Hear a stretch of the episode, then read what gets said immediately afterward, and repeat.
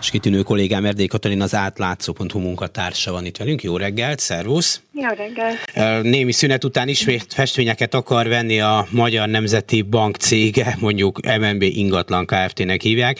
Kicsit javult az ízlésük, mert most már nem Szőke, Miklós Gábor, hát hogy mondjam, vitatható színvonalú műveit vennék meg 100 millióért, hanem Bakimre festőművész négy művét szemelték ki. Szóval hát esztétikai szempontból nézzük a dolgot, csak akkor ez komoly fejlődés.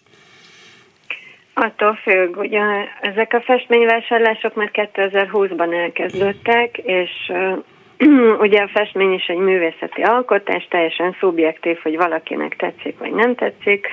Jellemzően kortárs műveket vásároltak magyar alkotóktól, és ezt a sorozatot folytatják most egy hosszabb szünet után. Hát azért szerintem Bakimre egy nemzetközileg is jegyzett és komoly festő, a másik említett úr alkotásait a ugráló Volga autójelvénytől, ami kicsit föl van nagyítva, és bearanyozva ott a Moszkva térnél, szóval el lehet dönteni. Szóval azért ez látszik, hogy kvalitásban nagy különbségek persze, vannak. Persze, hát Bakimre egy többszörösen díjazott, híres, külföldön is elismert művész, ahogy egyébként a többi festőművész is, akitől vásároltak. Ez is valami. Uh, dolga vagy szokása egyáltalán, hogy egy nemzeti bank festményeket, műtárgyakat vásároljon, és így ilyesféle gyűjteményeket építsen? A Magyar Nemzeti Bank nyilatkozatai szerint igen, ők ezzel a nemzetközi trendekhez igazodnak, hogy más országok is csinálják ezt, csak itt ugye azt érdemes figyelembe venni, hogy mi nem biztos, tehát Magyarország nem biztos, hogy olyan anyagi helyzetben van, mint olyan országok, akik ezt valóban végzik. Ez az egyik része a dolognak, tehát jelenlegi ismereteink szerint körülbelül legalább 4 milliárd forintot költöttek már ezekre a festményekre, tehát lehet, hogy nálunk azért ennek a pénznek lett volna jobb helye is.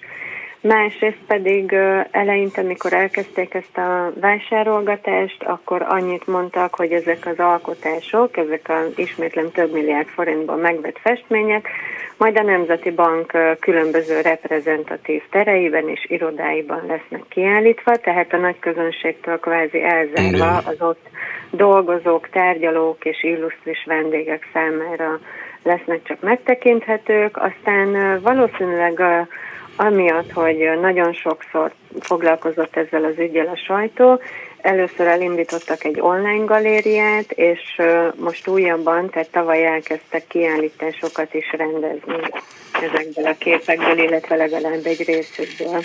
Hát ez is valami. Azért feltorul az engerben a kérdés, hogy kitől veszik ezeket a műalkotásokat, és hogy hát nyilván ez már egy bonyolultabb kérdés, de hát mégis vannak azért összehasonlító árak. Érnek-e annyit ezek a képek? Igen, a festményeket különböző galériáktól veszik, ugye jellemző módon egy galéria sok esetben akár egy művésznek az összes képét kezeli, úgymond, tehát ha mondjuk Kovács János festményt szeretnék venni, akkor adott galériával kell szerződnöm, tehát nyilvánvalóan itt nem a festő művészek profitálnak a dologból, például Bakimre ugye tavaly év végén el is hunyt, úgyhogy ő biztosan nem.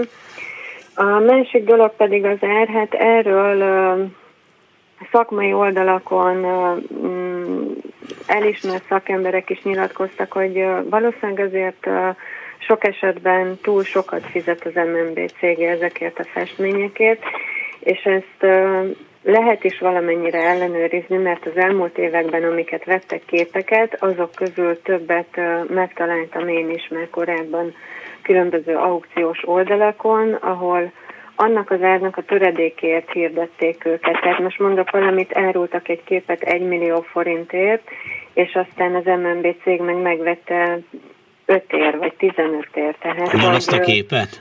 Ugyanazt a képet, igen, tehát hogy egyért sem tudták eladni rendes aukciókon, rendes vásárokon, de aztán az, az MNB cég az megvette a sokszorosáért, és Emiatt kritizálták is a hozzáértők ezt a programot, mert ugye egy mesterséges árfelhajtás történik. Igen, sok-sok művész azt mondja, hogy ez milyen jó, mert hogy a kortárs magyar művészet értéke megnő. Hát igen, de ha ugye az értéket bármilyen keresletet a piac diktál. Tehát, hogy ha egy festményt nem vesz meg a nemzetközi, vagy bármilyen, akár csak a hazai közönség se adott összegért, akkor persze bele lehet ebbe avatkozni államilag, hogy de mi meg megvesszük tízért, és akkor azt mondjuk, hogy ennek 10 millió az értéke, csak ez egy, ez egy nem valós, reális ár. Voltak olyan időszakok, mikor különböző okokból a Nemzeti Bank nyerességeket szedett össze, de hát ezek elmúltak. Most úgy tűnik, hogy rendszeresen a költségvetésnek be kell pótolni, ki kell pótolni a veszteségeit a Nemzeti Banknak. Ennek a fényében azért egy csöppet még érdekesebb a, a műtárgyvásárlás. Igen, ezzel kezdtem, hogy már annak idején se álltunk olyan hú, de fényesen, de most meg aztán végképp nem, hogy már annyi pénz legyen, hogy már nem tudnak mit kitalálni, és festményeket kell venni. nem kell. Kétségtelenül. Kétségtelenül kell. Most passzolhatod a kérdést, mert megértem, ha nem tudsz rászólni, szóval, hogy mm, ugye a magyar viszonyokból kiindulva, azon kívül, hogy aki persze eladja ezeket a képeket, az jó jár, szóval vannak itt ilyen alkotmányos költségek, amelyek ide-oda csörpenek? Van ilyen gyanú azért, vagy az nincs? Nézd, nem tudom. Tehát erről aztán tényleg nem tudok nyilatkozni, és hülyességet meg nem szeretnék mondani. Én inkább azt gondolom, hogy valóban az lehet, amit ugye nyilatkoztak az MNB részéről, hogy hogy fel akarnak zárkózni a nagyokhoz, a nyugati országokhoz, ahol vannak ilyen gyűjtemények, és ezzel akarják támogatni a kortás művészetet, és létrehozni egy gyűjteményt, és, és tehát, hogy tényleg ilyen magasztos célok vezérlik őket, akár mondjuk a kormányt a az ástopos termékekkel, csak, csak maga a módszer az, az, az tartom nem megfelelőnek. Uh-huh. Tudunk arról, hogy ki dönt arról, hogy melyik művész alkotásait kitől veszük meg? Mert azért ez, ahogy te is mondod, a magyar műtárpiacon egy nagyon jelentős befektetés. Igen, van egy több tagú tanácsadó testület az MNB ingatlannak, akik javasolják és eldöntik ezeket a vásárlásokat.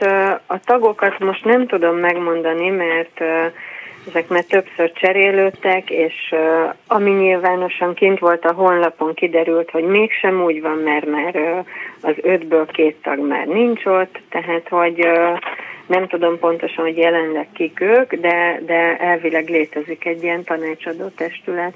Ez is valami. Köszönöm szépen Erdély Katalinnak az átlátszó munkatársának. Szervusz viszontlátásra! Köszönöm szépen viszontlátásra!